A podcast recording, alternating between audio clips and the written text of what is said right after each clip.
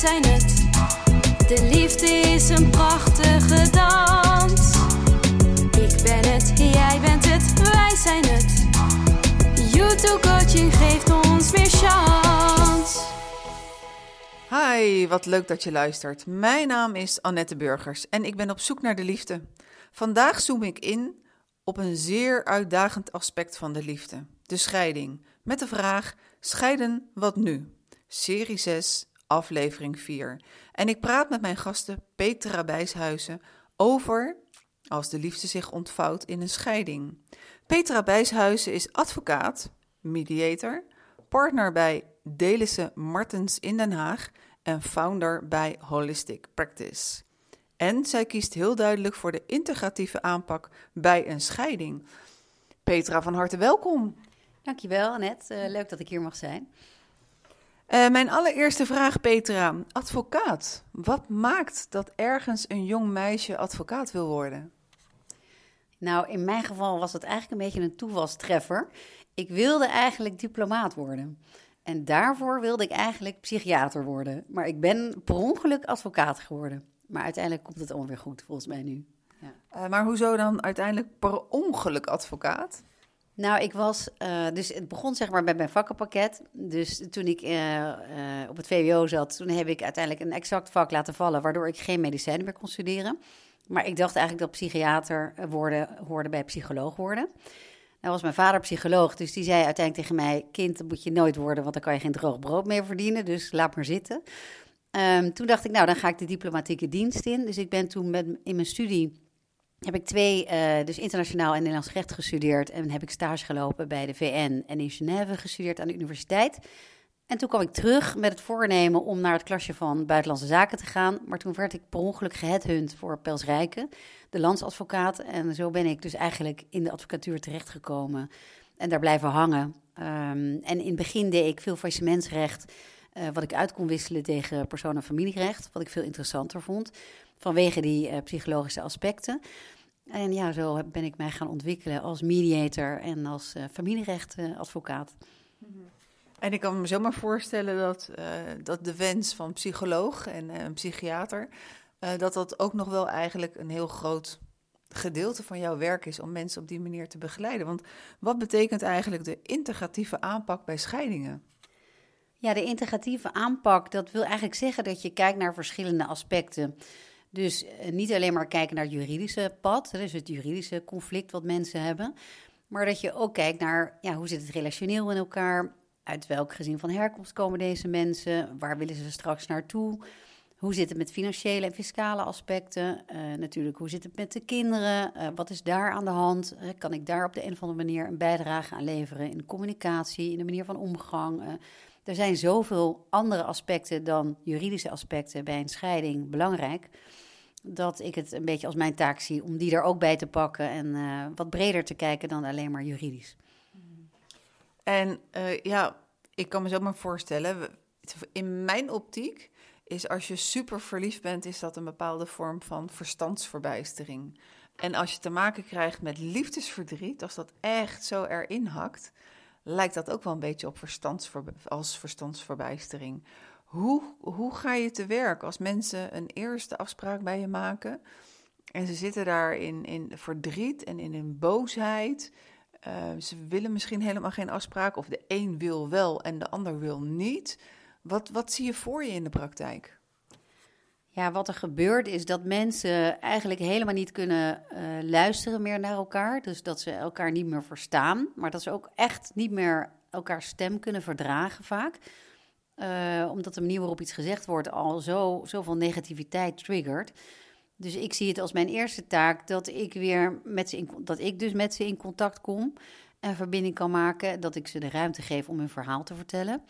Maar ook dat ze weer naar elkaar gaan luisteren. Dus ik kijk altijd eerst naar uh, wat is er aan emotionele onderstromen, wat is er in de relatie, wat is er gebeurd. Vaak is er ook iets groots gebeurd, uh, wat heeft gemaakt dat ze uiteindelijk in deze situatie terecht zijn gekomen. En pas veel later verderop ga ik praten over juridisch en financiën. Maar dat komt echt pas veel later. Maar ik geef het wel aan. Dus ik geef ze wel aan het begin uh, aan, zeg maar, de manier waarop ik ga werken, de structuur en wat ze kunnen verwachten. Maar we gaan in het begin dus eigenlijk helemaal niet uh, zakelijke juridische dingen doen, maar echt kijken naar ja, de emoties en hoe zit het nou in elkaar en ja, wat is er nou eigenlijk aan de hand. En doe je dat dan in aparte gesprekken of uh, vertelt de een zijn verhaal en zit, er an, zit de ander naar buiten te kijken in het begin?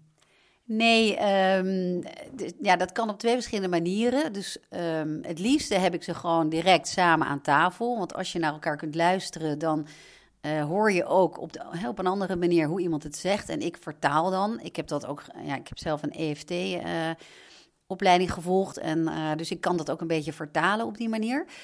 Um, maar het is ontzettend belangrijk om uh, goed, ook voor mijn begrip, om goed te begrijpen waar is nou uiteindelijk het verdriet ontstaan? Wat is er nou precies gebeurd waardoor de ander niet begrijpt of niet, niet ja, goed kan onderkennen wat het echte probleem is? En die mensen hebben heel vaak al relatietherapie gehad en al allerlei specialisten gezien en deskundigen en noem maar op. Dus ik ga daar echt niet uh, de therapeut of zo uithangen.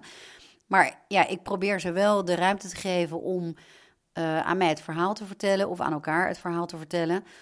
Uh, en dan kan ik het samenvatten en dan kan ik ja, de rode draad proberen eruit te halen. En um, ja, heel vaak komen we dan toch wel echt wel uh, vrij snel tot de diepte. Wat me gelijk bij mij opkomt is, uh, gebeurt het dan ook wel eens een heel enkel keertje dat als je ze eindelijk weer hebt, dat ze luisteren naar elkaar, dat ze dan zeggen van nou Petra, bedankt, maar we gaan toch niet scheiden? Uh, het, is, het is wel eens gebeurd, zeker.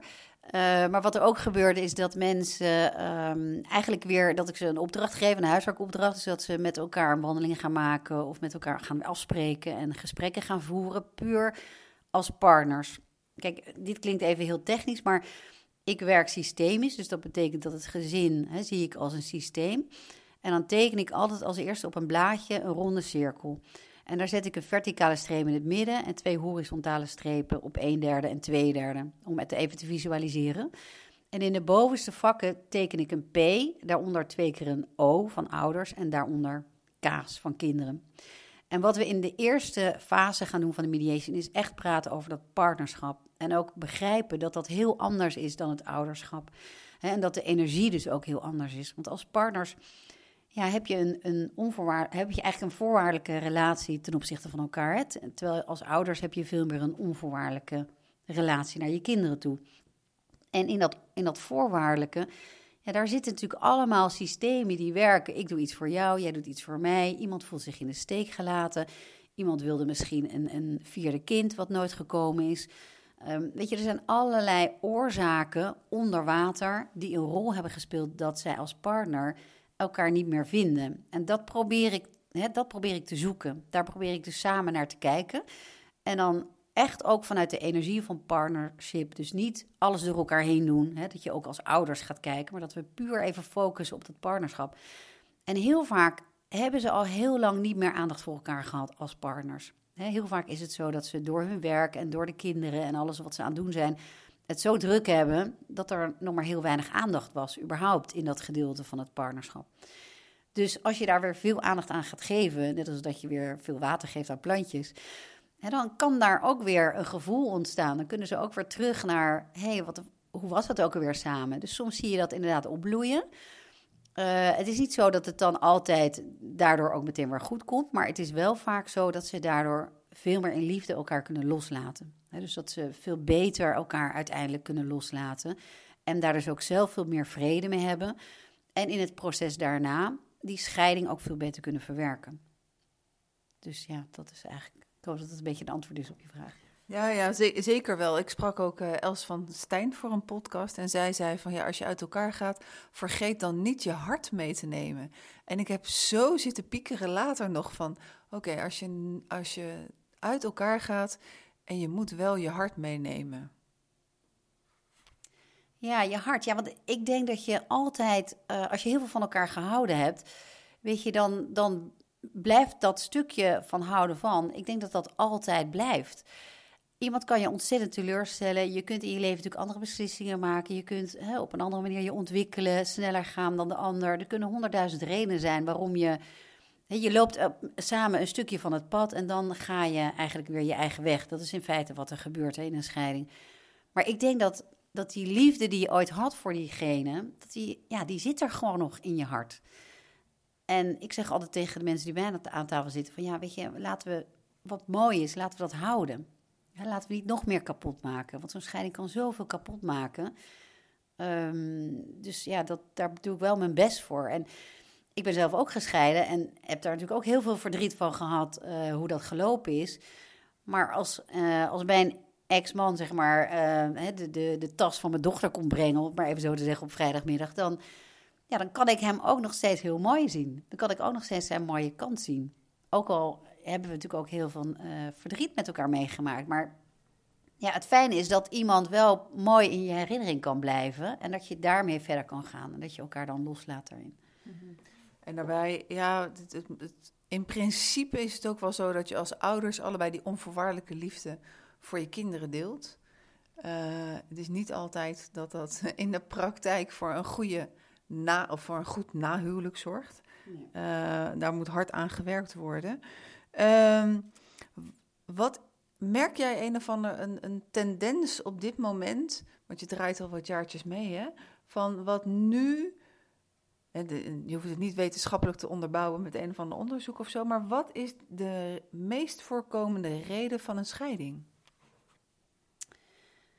Ja, dat vind ik best lastig. Uh, ja, wat ik, wat ik nu zie is dat. Kijk, allereerst is het denk ik zo in de loop der jaren. Want ik, ik, nou, ik ben nu 25 jaar of zo of langer advocaat, durf bijna niet te zeggen. Maar um, kijk, wat je ziet is dat de de afstand tussen ouders en kinderen is eigenlijk steeds korter geworden. Hè, vroeger had je, was er een veel duidelijker verschil tussen de ouder en tussen het kind.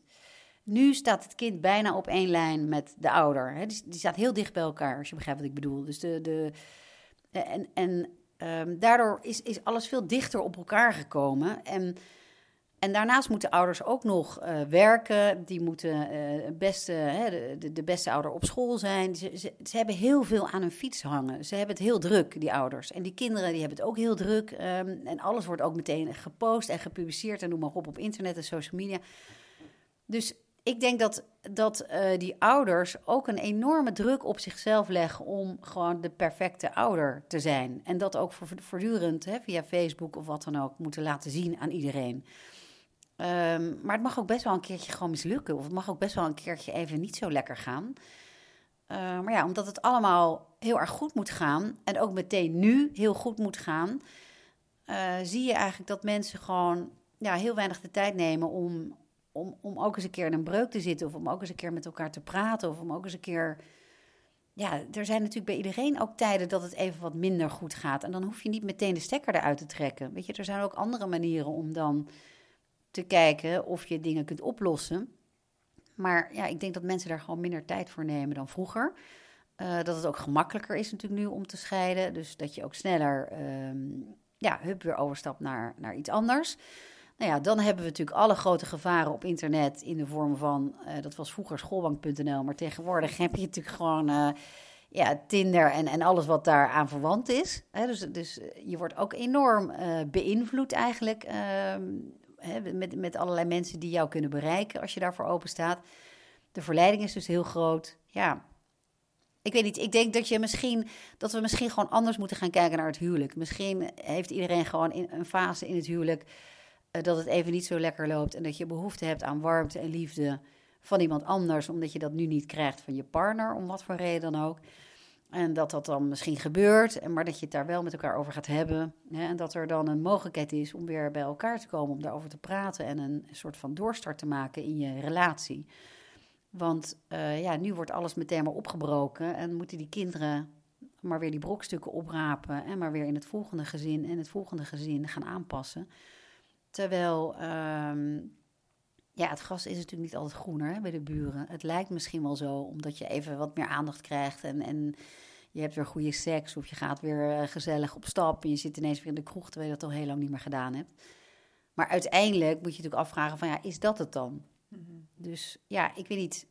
Ik, ik kan niet echt de vinger erop leggen, maar ik denk wel dat, dat er gewoon veel verleidingen zijn en, um, en dat mensen gewoon minder lang volhouden. Vroeger bleef je gewoon toch wat langer zitten ook een beetje door de druk van, je, van de maatschappij, denk ik. En nu hoeft dat allemaal niet meer. Ehm, maar de keerzijde is natuurlijk wel dat ja, als je gaat scheiden, dan moet je ook gewoon heel goed, uh, moet je wel ook voor jezelf zorgen. Dan moet je wel gewoon ook uh, een baan hebben, een inkomen hebben, een huis vinden, stabiliteit voor je kinderen. Er komt echt heel veel bij kijken. Dus het is wel echt een grote stap.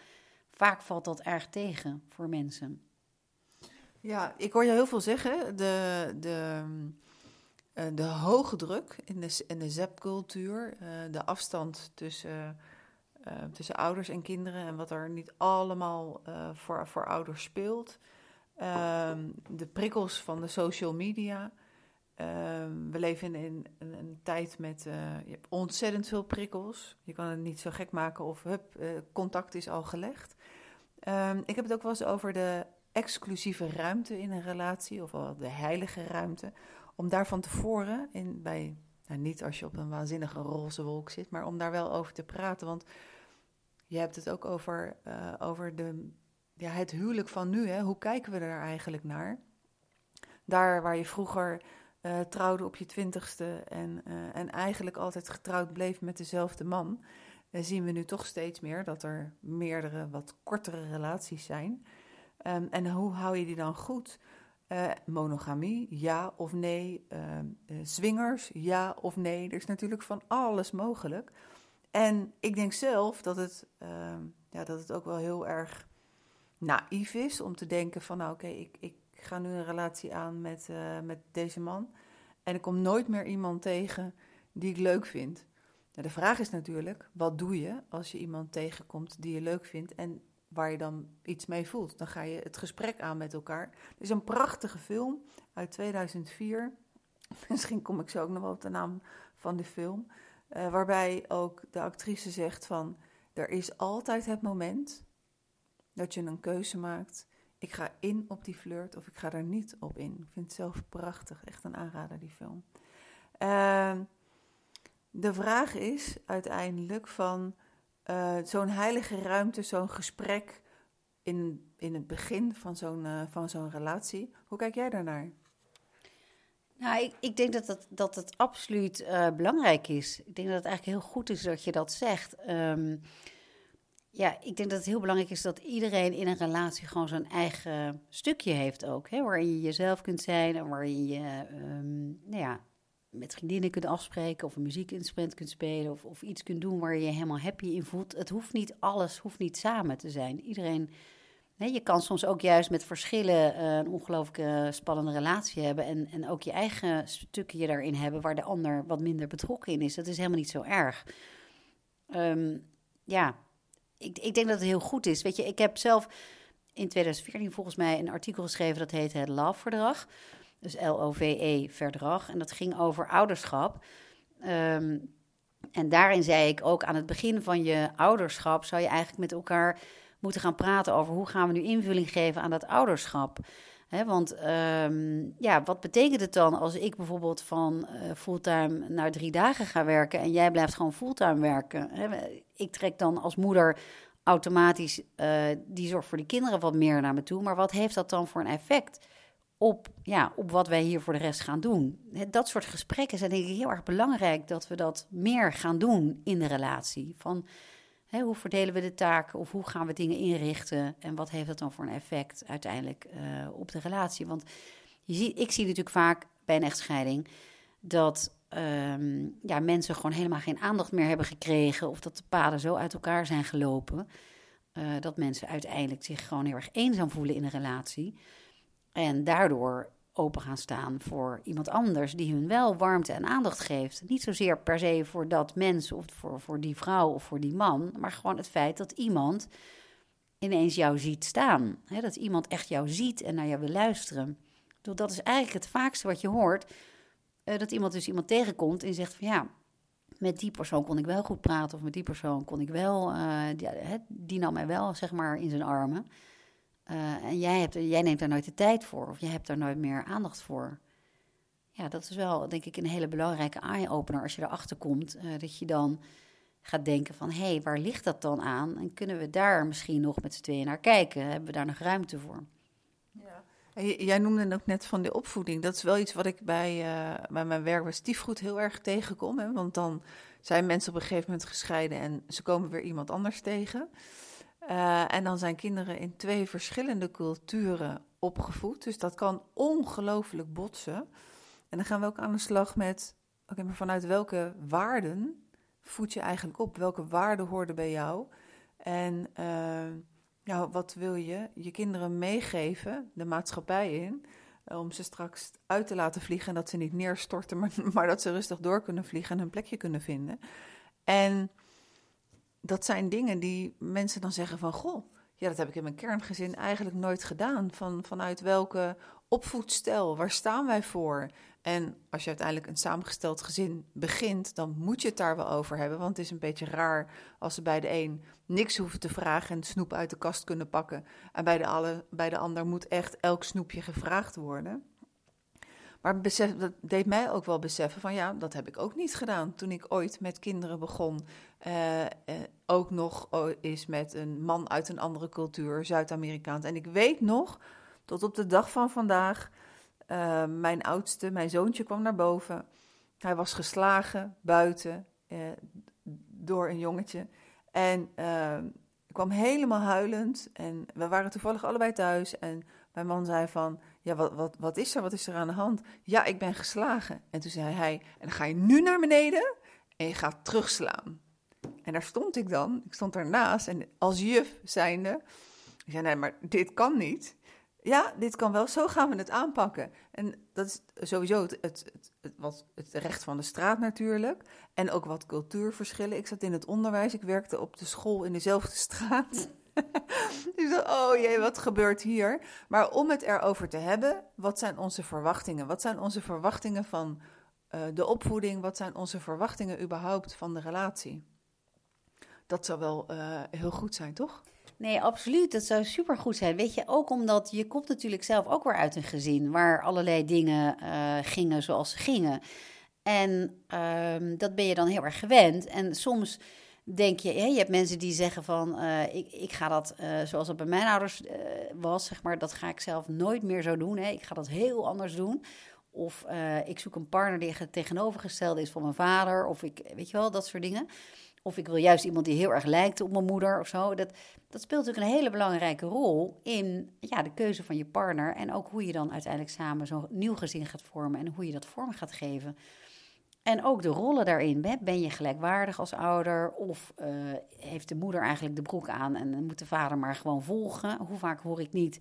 Ik heb eigenlijk vier kinderen, namelijk drie kleine en hij ook, weet je wel. Nou, dat is natuurlijk heel naar om te horen als man. Hè? En als je dan in die cirkel waar ik het net over had, als ik dan vraag van nou, waar sta je dan eigenlijk in het gezin zelf? Hè? Tekenen ze zichzelf als buiten die cirkel?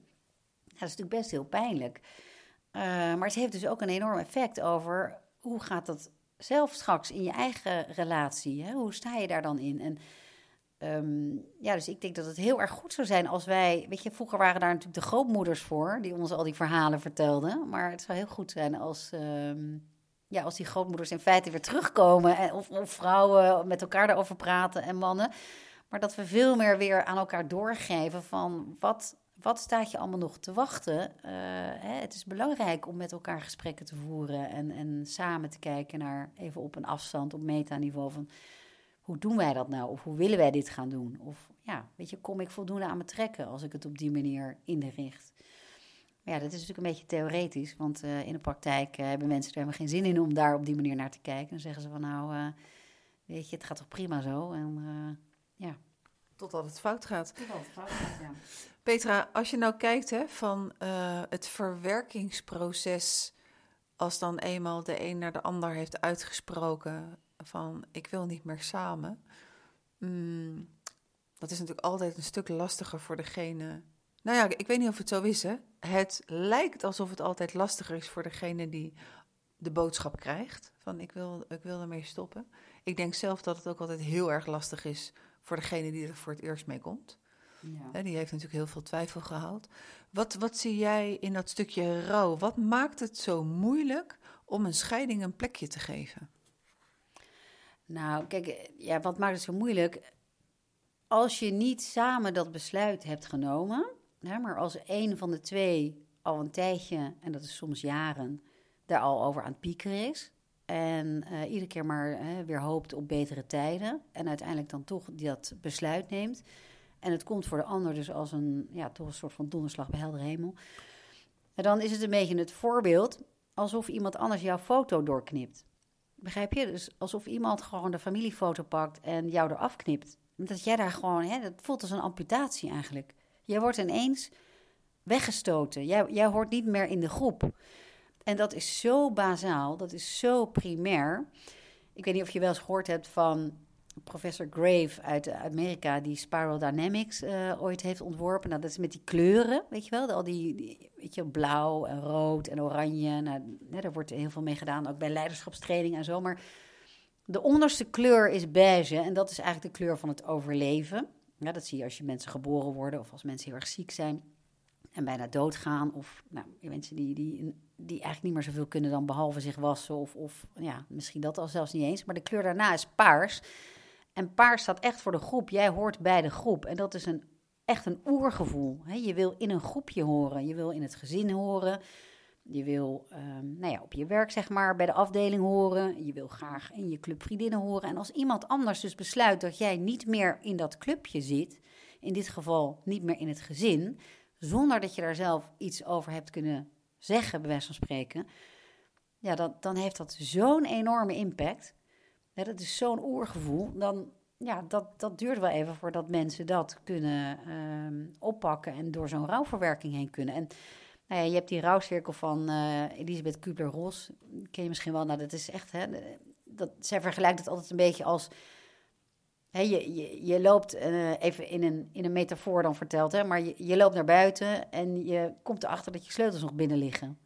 Nou, dan heb je in het begin toch ook zo'n gevoel van, echt van, van nou, dat je even helemaal verstilt en dat je denkt van helemaal apathisch wordt van, nou nee, nee dat kan, nee. Dan ga je in de ontkenning, hè, dan zeg je, oh, nee, nee, dat kan niet, dat kan niet.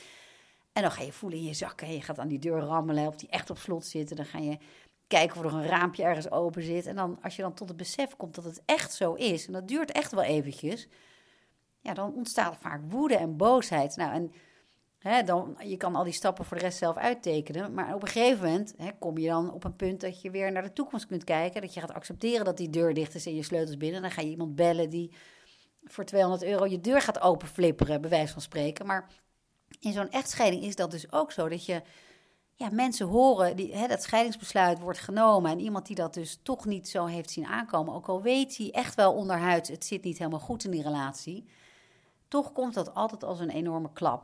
En als dat als een enorme klap komt, dan is het ook heel belangrijk dat degene die jou begeleidt, hè, dat hij dat weet, omdat jouw tempo dan ook heel anders wordt. Hè, degene die dat, uh, die dat besluit heeft genomen, is verder in het proces en wil dus ook sneller door. Degene die die uh, mededeling net gehoord heeft, die zit nog in een eerdere fase en die wil dus langzaam. Dat is niet om het proces te vertragen, maar dat is gewoon omdat hij tijd nodig heeft om dat te verwerken. Dus het is heel belangrijk voor een mediator of, ja, of iemand die dat begeleidt, om, om dat goed te begrijpen en om mensen dan weer op één lijn te krijgen.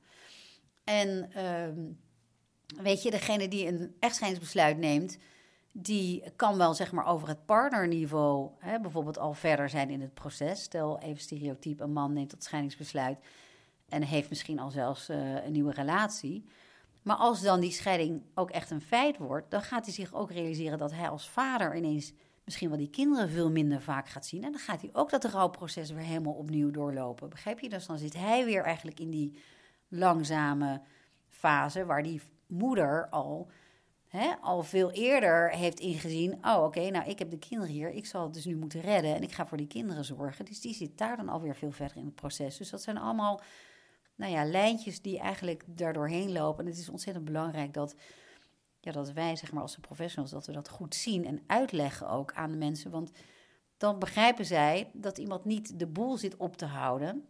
Hè, uit een soort kwaadheid, maar dat daar een onderliggende stroom is die gewoon aan het werken is, die ervoor zorgt dat dat nu gaat zoals het gaat.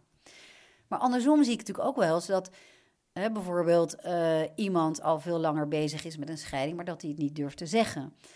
Maar dat hij wel bijvoorbeeld op zijn computer laat openstaan of op zijn telefoon eh, laat openstaan dat hij bezig is met Tinder of een afspraakje heeft. En dat hij dus zogenaamd betrapt wordt.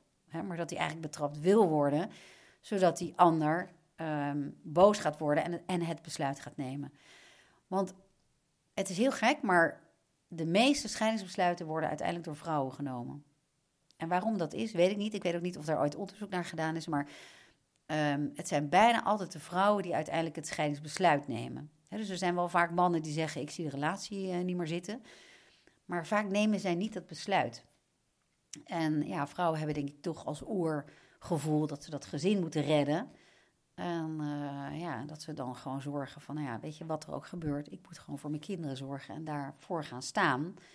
En vergeten dan misschien wel in dat proces een beetje dat ze ook nog als partner gevoelens hebben en, en hè, zichzelf daarin misschien een beetje kwijtraken. Maar um, ja, nou ja, goed, ja, zo, zo. Er zijn natuurlijk heel veel voorbeelden van mm. scheidingsbesluiten. Maar dat scheidingsbesluit is wel echt ontzettend belangrijk. Dus daar, daar moet je ook bij stilstaan in het proces. Ja, en dat oergevoel, dat geeft natuurlijk ontzettend veel kracht. Ja. Daarbij komt natuurlijk ook, wat bij mij gelijk als eerste opkomt, ik zeg het wel heel voorzichtig, is dat het misschien wel, heel, misschien wel vaker voorkomt bij mannen dat ze iets wat conflictvermijdend zijn dan dat bij vrouwen zo is. dus dat zou uh, kunnen, mede kunnen verklaren waarom dan vrouwen dat wat, wat sneller daarop acteren. Zelf heb ik ook altijd het idee dat het heel erg lastig is om. Hey, je gaf net heel mooi aan die foto. Mm. Om de illusie wat je bedenkt voor het huwelijk, dat mooie plaatje, zoals je het invult van nou we gaan dat doen, we gaan dat doen. Je hebt eigenlijk al een hele toekomst uitgestippeld. Om dat plaatje los te laten. Ja. ja, dat is voor mensen vaak echt heel erg moeilijk. Want Weet je, zo'n scheidingsbesluit, uh, het slaat echt gewoon wel al je vaste waarden onder je weg. Hè? Mensen voelen echt van, ik stond ergens op een paal en die hele pilaar is weggeslagen. En ik weet totaal niet meer waar ik aan toe ben. Dus damage control, uh, verwachtingen managen. Hè, dus in het begin van zo'n zo'n mediation bij mij dan, dan hebben we het natuurlijk over dat gezinssysteem, dat, dat cirkeltje wat ik net uh, vertelde. Maar ik vertel ze natuurlijk ook van, we gaan dat allemaal behandelen. We gaan natuurlijk kijken naar de financiële situatie. We gaan kijken naar de woning. Het moet goed gaan met de kinderen. Daar is allemaal aandacht voor. En ik vind het dus ook heel belangrijk dat ik eerst ga praten over bijvoorbeeld ouderschap en kinderen. En dat er een goed ouderschapsplan ligt. En dat we rust hebben op dat front. Voordat we uh, de bankrekening bij wijze van spreken gaan verdelen. Of de auto of, of nou ja, de spulletjes. Ehm, en dat heeft echt een, een reden, weet je, daar zit echt een gedachte achter. Want ik wil gewoon dat die mensen niet op alle fronten in paniek raken. dat wil je niet en dat wil je ook niet voor je kinderen. Want als, ja, het is natuurlijk heel moeilijk al om zo'n scheidingsbesluit te aanvaarden en om daarin te berusten. Ehm, maar dan vervolgens wil je niet dat er eh, verschillende krachten gaan spelen. Hè? Dat, dat, dat moeders zeggen: Ik ga nu voor die kinderen zorgen en jij komt er niet meer bij, bijvoorbeeld. Hè? Of, dat, dat we elkaar gaan dreigen of dat, er, nou ja, dat, hè, dat, die zaken zeg maar helemaal uit, ehm, uit balans raken.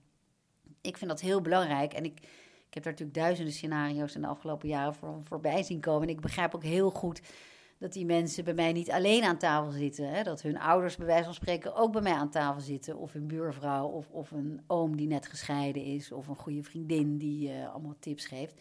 Met alle goede bedoelingen natuurlijk. Maar iedere situatie is uniek. En ja, ik probeer echt wel met die mensen gewoon te kijken naar hun situatie. Wat moet er nou bij jullie op dit moment gebeuren? En misschien moet je wel niet meteen definitief gaan scheiden. Misschien moet je eerst maar gewoon eens in twee huizen gaan wonen en een beetje rust krijgen. Want weet je, heel veel mensen zijn gewoon doodmoe. Die zijn, en weet je, als je zo'n scheidingsbesluit neemt, daar gaat zoveel aan vooraf. Um, er zit zoveel spanning vaak. Er zitten zoveel slapeloze nachten bij. Er zit zoveel uh, verdriet, zeg maar, wat er aan vooraf is gegaan. Die mensen zijn gewoon vaak heel erg uitgeput. Uh, dus het is ook belangrijk om eens even op kracht te komen voordat je allemaal belangrijke besluiten gaat nemen over je toekomst. En stel dat mensen bij jou komen en ze hebben nog niet hun kinderen verteld. Wat is dan jouw tip? Hoe vertel je het je kinderen? Ja, daar hebben we altijd heel veel, uh, heel veel aandacht voor. Dus uh, als ze bij mij komen, dan, uh, nou ja, laten we zeggen, tweede of derde gesprek gaat het dan over het ouderschap gaat het over het uh, natuurlijk over de zorgregeling. En ik wil heel graag dat ze, als ze overeenstemming hebben over de zorgregeling, dus hoe ze met de kinderen omgaan, dat ze dan samen aan tafel uh, de boodschap aan de kinderen vertellen. Dus niet één ouder gaat het vertellen aan de kinderen, maar liefst altijd samen in een gesprek. En dat, ja, ik noem dat dan maar gewoon een familieberaad. En het gekke is dat ik vraag dan ook wel eens van, ja, hoe doen jullie nou een familieberaad? Hè? Dus hoe hebben jullie in het verleden um, belangrijke besluiten genomen? Of hoe vierden jullie verjaardagen? Of als er ja, iets naars was, hoe gingen jullie dan met elkaar om? Ja, mensen gaan dan vaak aan de keukentafel zitten of in de woonkamer aan de tafel waar ze eten. En heel vaak heeft iedereen daar ook zijn eigen plek. Dus dat is natuurlijk ook belangrijk. Maar bij een gesprek met de kinderen wil ik eigenlijk niet uh, dat een kind op schoot gaat zitten of dat ouders tegenover elkaar zitten. Dan wil ik eigenlijk, als je de keukentafel hebt, dat die ouders schouder aan schouder zitten. Dus aan één lange kant van de tafel. En dat de kinderen aan de andere kant van de tafel zitten. Samen. Hè? Dus ook dus niet eentje in zijn kamer of um, op schoot bij een moeder of vader. Nee, maar gewoon echt even apart. En dat die ouders, alsof ze een paraplu samen vasthouden, hè, we noemen dat ook wel het paraplu-gesprek, uh, samen één boodschap vertellen als ouders. Wij gaan uit elkaar en dit heeft dat voor jullie te betekenen. Het heeft niks te maken met dus de achterliggende reden op partnerniveau waar ik het net over had. Dat, hoeft, dat hoef je allemaal niet te vertellen. Het gaat puur over, oké, we hebben nu besloten dat we niet meer in één huis gaan wonen. Hè, papa of mama gaat in een ander huis wonen. En dit is het gevolg daarvan. En dat gesprek duurt soms maar vijf of tien minuten. Maar wat heel belangrijk is, is dat, dat je benoemt wat hetzelfde blijft. En wat dat geeft natuurlijk die veiligheid. Maar dat je ook benoemt wat er wel gaat veranderen. dus de school blijft hetzelfde. En oma blijft nog steeds op dinsdag oppassen. En de hockey gaat gewoon door. En nou ja, weet je, dat soort dingen blijven allemaal hetzelfde. En de dingen die veranderen is dat bijvoorbeeld... papa is naar een nieuw huis gegaan en daar gaan we volgende week donderdag met z'n allen kijken. Of daar krijgen jullie straks ook een kamertje. Of nou, wat je daar dan ook over afspreekt. Je hoeft op dat moment ook nog niet de hele toekomst uit te leggen. Een heel klein stukje is genoeg voor kinderen om te weten waar ze aan toe zijn. Want die kinderen die voelen gewoon die spanning. En je hoeft kinderen echt niks wijs te maken. Die kennen hun ouders heel goed. Die weten gewoon al lang dat er wat aan de hand is voordat die mededeling komt. Dus dat weten ze al. En ze zijn vaak ook best opgelucht dat ze nu weten hoe het komt dat die ouders doen zoals ze doen. Mhm. En dan vervolgens willen ze weer overgaan tot de orde van de dag. Hè? Maar het is heel fijn voor kinderen als het onderwerp bespreekbaar wordt. Weet je, als de, de angel in feite eruit is. En dat ze dan daarna wel aan hun moeder of aan hun vader kunnen vragen van... hé, hey, wat gaat er nou gebeuren? Of hoe zit het dan in elkaar? Uh, en voor ouders is het natuurlijk wel heel belangrijk dat ze dat in eerste instantie samen vertellen zodat het niet zo is dat als de moeder bijvoorbeeld het gesprek voert met de kinderen, dat in feite dan die vader al op een achtergestelde positie staat. want hij is vertrokken of hij heeft ons verlaten. dat, ja, dat wil ik dus niet. Ik wil graag dat die ouders gelijkwaardig als ouders ehm, op het podium blijven staan, maar even zo te zeggen. En wat, wat zeg je nou precies van, jij zegt uh, het is niet nodig om de reden aan te geven van de scheiding. Hè? Want dat zit op dat gebied van, uh, van de partnerrelatie. Uh, als mensen het toch doen, is dat dan uh, zwaar voor de kinderen om te dragen? Ja, wat, wat wil je daarmee bereiken? Hè, kijk, eh, die ouders zeggen natuurlijk bij mij aan de tafel van... ja, ik ga niet zeggen dat ik wil scheiden, want ik wilde dat nooit, die scheiding. Hè, dus hij is verliefd geworden op iemand anders. Hij is er met zijn secretaresse van doorgaan. Nou, laat hij, het dan, laat hij het dan maar vertellen. Nou, je hoort al meteen dat je dan in het partnerstuk zit van de frustratie en van de boosheid. Ja, ik hoop dat, hè, ik probeer zeg maar met de mensen met wie ik werk, uh, met hun um, het zo zeg maar voor elkaar te krijgen dat ze die boosheid, die frustratie ook tussen, tussen hun als partners houden en dat ze niet hun kinderen daarmee gaan belasten. Of in ieder geval zo min mogelijk. Natuurlijk mag je als moeder best huilen en verdrietig zijn. Natuurlijk mag je als vader best een keer heel boos zijn en gefrustreerd zijn. Weet je, dat hoort er allemaal gewoon bij en dat kunnen kinderen heel goed handelen. Maar wat kinderen het ergste vinden is als hun ouders lelijk over elkaar praten. Ze vinden, want dat, daar kunnen ze niks mee. Een loyaliteitsconflict is echt zo uh, neergezet. Hè? Daar hoef je maar een heel klein dingetje voor te doen. En daarom vind ik het zo belangrijk dat je als ouders het kunt opbrengen. Uh, dat je zegt, wij gaan uiteindelijk in twee huizen wonen, want hè, onze relatie werkt niet meer.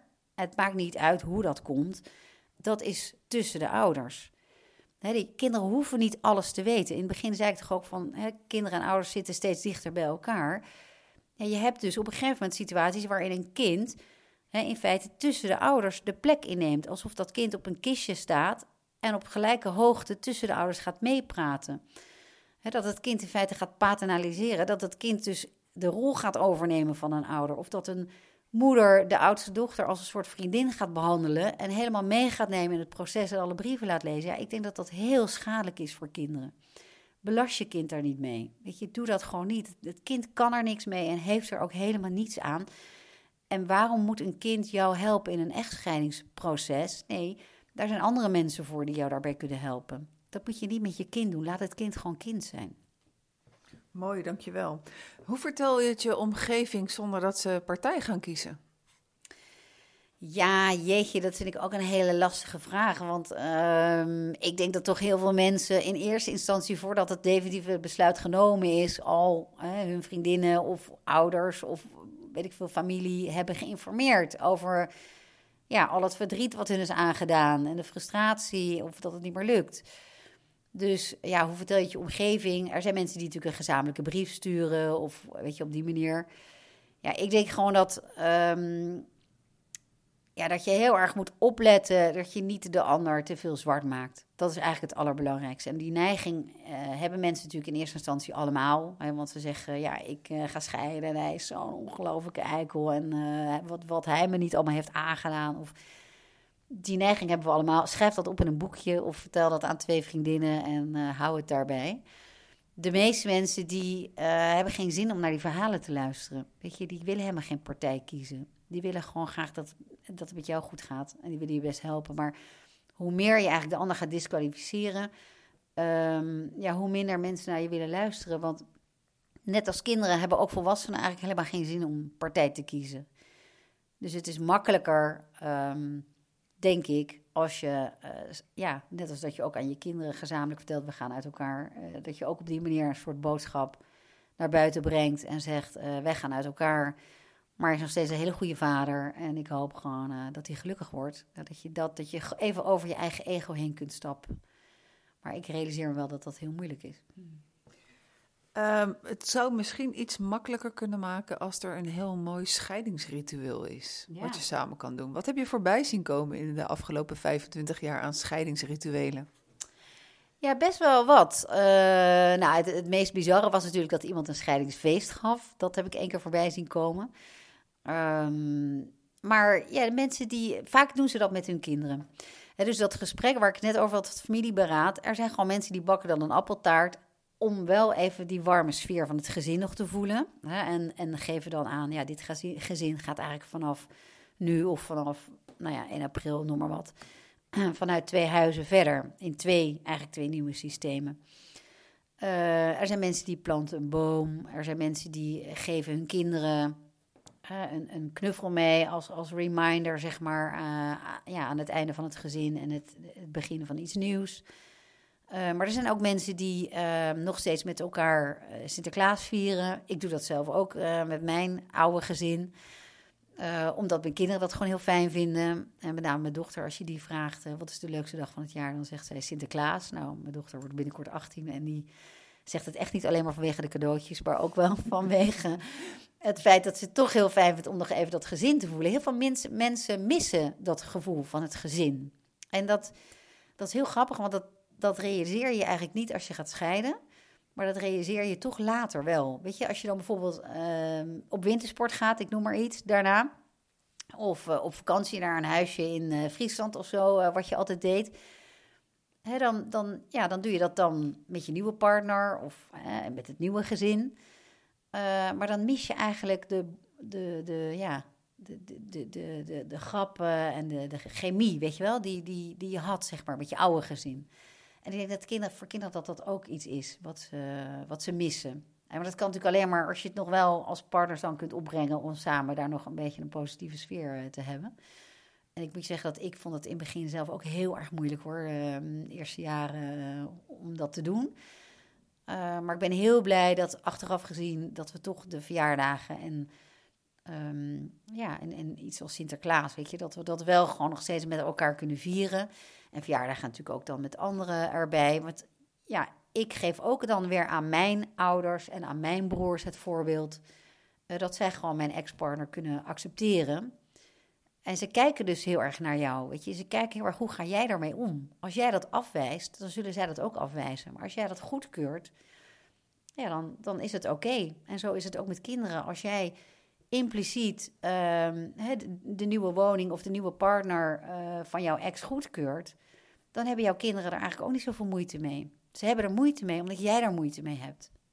En dat maakt het gewoon heel erg moeilijk voor kinderen en ook voor je omgeving. Ik herken ook wel het stukje van mijn dochter, wat je zegt. Mijn dochter die. Ja, haar vader is, is, is overleden, dus het is iets lastiger. Maar zij is heel vaak op zoek naar foto's van ons vieren. Ja. En ze zei, nou, die foto's die zijn er helemaal niet zoveel. Nee, ik maakte altijd de foto's. Je moet natuurlijk altijd aan iemand vragen van waar zijn die foto's van ons. Maar kan jij even een foto maken van ons vieren? Maar die behoefte van dat stukje van vroeger van met z'n vieren. Ja, eens in de zoveel tijd, dan, dan posten ook weer allerlei familiefoto's. En dan is het weer van, ja, mam, waarom zijn er nog niet zoveel foto's van ons vieren? Dus dat, uh, dat, dat, dat blijft dan zo. Uh, Petra, uh, jij werkt als advocaat en je werkt als, als mediator. Dus uh, soms heb je één persoon, persoon van de relatie van het koppel en soms heb je er twee. Ja. Uh, wat, is het, wat, wat is het grote verschil, snap ik wel. maar hoe ervaar jij het? Um, ja, als je één persoon hebt, dan ben je eigenlijk heel erg coachend hè, met die ene persoon. Dus jij bent degene die uh, die persoon als het ware onder je arm neemt en uh, alle aandacht dus voor die ene persoon hebt. En dat is natuurlijk heel fijn voor die persoon. Um, maar het hangt er dus van af, zit die persoon dan uh, zelf in de mediation ergens anders en ben ik de advocaat op de achtergrond, hè, die dus meekijkt met het convenant en met de afspraken die ze maken, als klankbord eigenlijk meer en als adviseur. Of ga ik dan met die persoon strijden tegen de ex-partner en die advocaat. Nou, en als dat het geval is, ja, dan, dan uh, hangt het er dus ook heel erg vanaf. Ja, wie heeft die andere persoon dan aan zijn zijde? Ik probeer natuurlijk altijd via het overleg aan de tafel uh, tot een oplossing te komen. Dat heet dan een viergesprek. Maar niet altijd kan dat. Ik heb nu heel recent nog in een zaak waarin ik al wel uh, met de ex-partner, toen diegene nog geen, uh, nog geen advocaat had, gesprekken gevoerd. Om de, dat ging dan over een zorgregeling met één kindje. Om dat zo goed mogelijk um, ja, in goede banen te leiden. Met, hè, met zachtheid, zoals wij dat dan noemen. Maar uiteindelijk uh, is diegene toch uh, naar een advocaat gestapt en een procedure gestart. Ja, ik vind dat dan ontzettend jammer. want ja, eigenlijk vind ik gewoon dat alle familierechtadvocaten gewoon altijd als eerste elkaar moeten opbellen en gewoon met elkaar in overleg moeten treden. Um, dus ja, wat je doet is dat je natuurlijk diegene dan adviseert, maar dat je die ook een beetje probeert te behoeden voor uh, roekzichtloze woede en frustratie en met de Kalashnikov uh, te strijden trekken. Hè? Want dat, dat maakt alleen maar heel veel kapot. Maar als het echt niet anders kan, als je je gewoon moet verdedigen, ja, als je al in een procedure betrokken wordt, ja, dan zal je soms toch wel echt ook even met, met, ja, met zwaarden uh, de degens moeten kruisen. En liever niet, maar het kan wel en dat gebeurt ook. En dan krijg je een hele andere sfeer. Het is echt een verschil van een dag en een nacht. Hè? Want dan ga je natuurlijk echt kijken naar... Uh, ja, wat, wat is nu het, het beste wat ik voor mijn cliënt kan bereiken? En daar wil ik dan ook echt voor gaan. Daar wil ik dan ook voor strijden. Um, maar goed, je moet wel altijd heel erg ook het belang van de kinderen in ogenschouw houden en zorgen dat nog steeds uh, er niet onnodig veel dingen kapot gaan. Maar iedereen weet dat in een procedure, ja, hè, natuurlijk tien keer zo snel de, de scherven om je oren vliegen dan wanneer dat gewoon rustig in overleg doet. Bovendien, als ik overleg kan plegen aan de tafel, of dat nou met één cliënt is of met een mediation, dan, dan kun je heel veel met elkaar regelen. Dus niet alleen maar juridische dingen, maar ook heel veel andere dingen als ik natuurlijk voor e-, iemand optreed in een procedure, dan kan ik alleen maar aan een rechtbank vragen om voor mij een aantal maatregelen te treffen in die procedure. Maar daaromheen kan ik heel weinig regelen. Dus ik ben veel beperkter in wat ik kan. En dat is voor cliënten soms heel moeilijk te begrijpen, want die willen natuurlijk ook dan graag een totaaloplossing.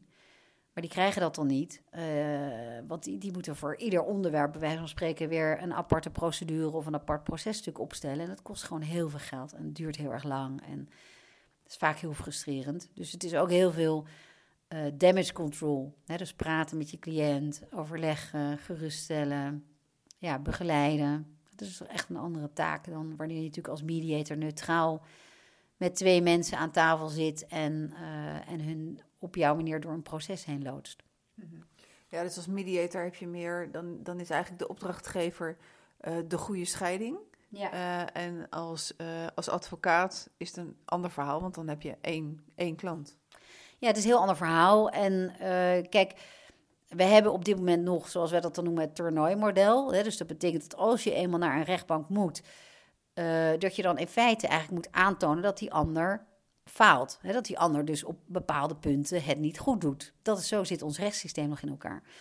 En dat is natuurlijk heel jammer, want dat betekent dat je de ander in feite altijd uh, moet gaan disqualificeren. Dus moet gaan aantonen, hij doet dit slecht, of hij is de afspraak niet nagekomen, of uh, nou, wat dan ook. Um, dat wil je natuurlijk liever niet, want daarmee maak je gewoon heel veel kapot. Weet je, je wil liever gewoon uh, die andere partij uitnodigen aan tafel en met elkaar kijken naar wat wel kan en hoe we wel bruggen kunnen slaan. Dus dat is ook altijd mijn eerste insteek hoor. Dus als iemand bij mij komt, uh, ga ik altijd eerst proberen om te kijken of we via het overleg aan de tafel toch nog hè, met mediation-achtige technieken uh, uiteindelijk toch tot een convenant kunnen komen. En dan hoeven we vaak helemaal niet naar de rechtbank. Maar ja, in een enkel geval moet dat dus wel. Um, maar het is ook niet zo dat als iemand bij mij komt en die zegt: Ja, ik wil bij jou, want ik heb gehoord dat jij. Ik heb een heel stevig iemand nodig. Dat ik dan altijd maar het harnas ga aantrekken en, en met het wapen op zak uh, blind naar die rechtbank ga. Ik ga natuurlijk wel die cliënt ook een spiegel voorhouden en goed vertellen: van hé, hey, wat je nu aan het doen bent, is misschien niet zo handig. ik kan natuurlijk over de schutting kijken. Ik heb natuurlijk vaker dit meegemaakt. Dus ik, kan, ik moet mensen ook behoeden voor ja, een pad ingaan wat tot niets leidt of, of wat tot teleurstelling gaat leiden. Hoor ik nou ook heel voorzichtig dat jij wel uh, het rechtssysteem zou willen veranderen met betrekking tot dit? Jazeker, ja, nee, absoluut. Ja, want ik geloof er gewoon niet in. Ik geloof überhaupt niet in kinderen in een rechtbank. Volgens mij moeten we dat helemaal niet willen. En uh, ik, ik, weet je, de taak van een rechter is gewoon toch vrij beperkt. Natuurlijk is het heel goed dat er rechtbanken zijn en dat er rechters zijn die goed kijken naar de regels. En naar, uh, hè, als je een geschil hebt over een specifieke regel, dan is het belangrijk dat iemand daarin een knoop kan doorhakken. Dus ik wil helemaal niet dat we die rechtbanken en hoven gaan afschaffen, totaal niet.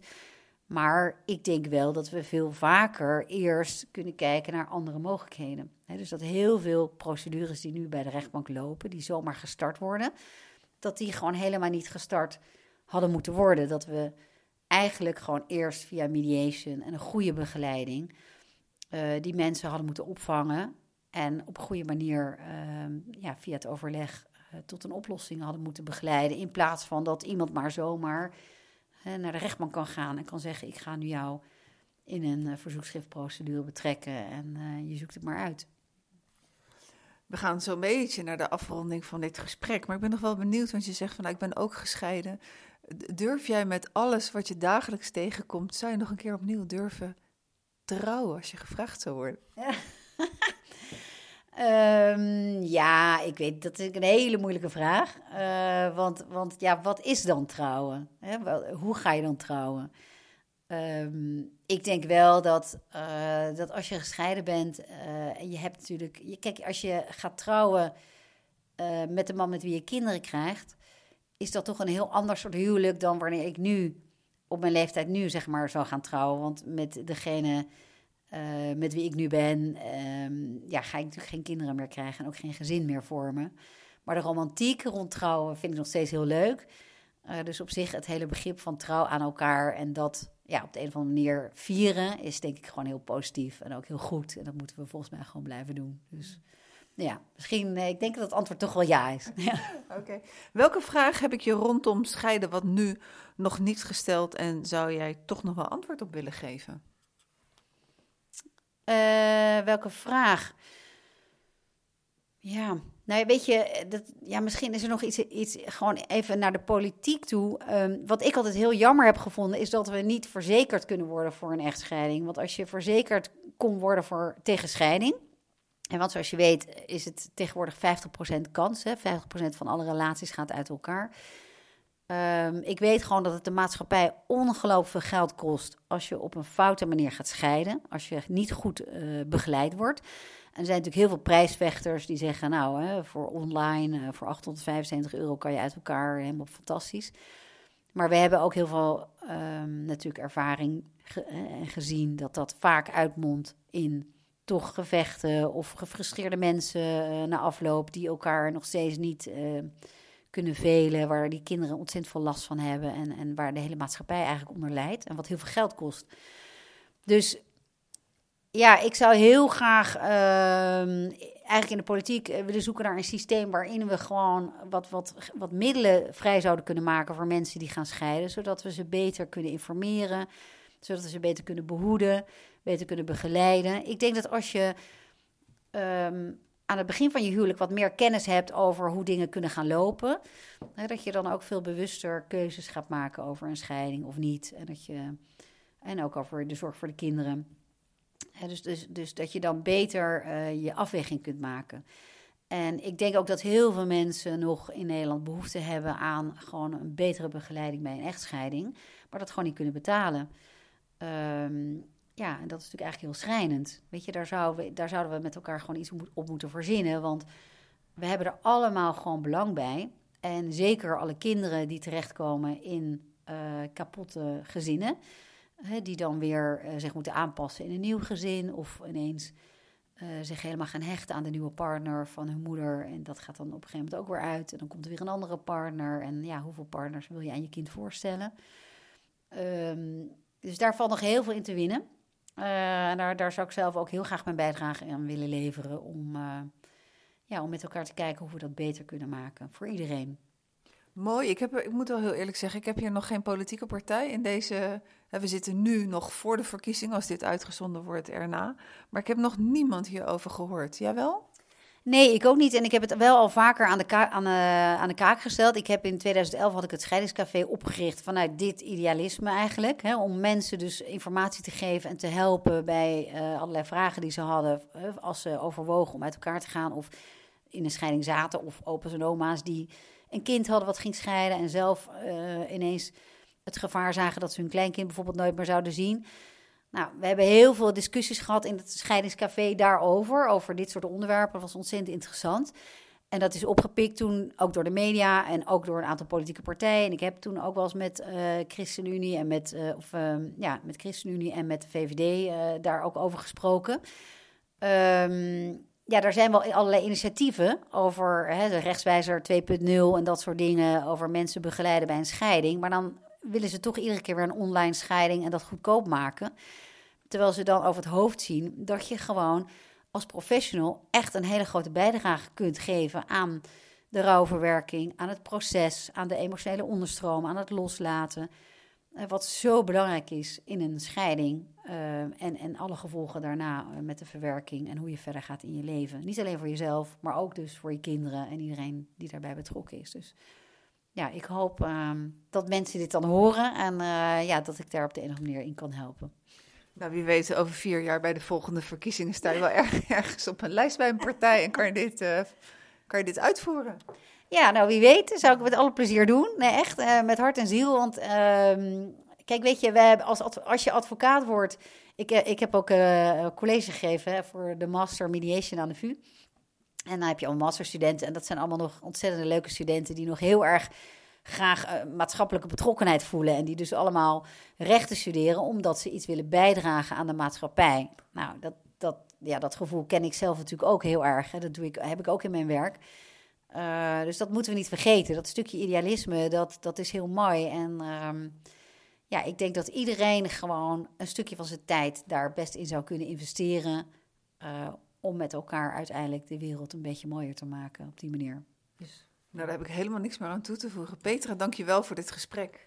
Graag gedaan en fijn dat ik dat hier met jou kon doen. Leuk, dankjewel Annette. Nou, dank Petra voor dit gesprek. En jij luisteraar ook bedankt voor het luisteren. Over twee weken is er weer de volgende aflevering in deze serie Scheiden wat nu. Ik hoop dat je dan ook weer luistert. Heb je vragen of wil je iets laten weten naar aanleiding van deze podcast? Dan kan je dat laten weten naar info youtubecoaching.nl Annette Burgers. En Petra is ook te googlen en dan vind je heel veel mooie informatie over haar. Tot ziens en dankjewel.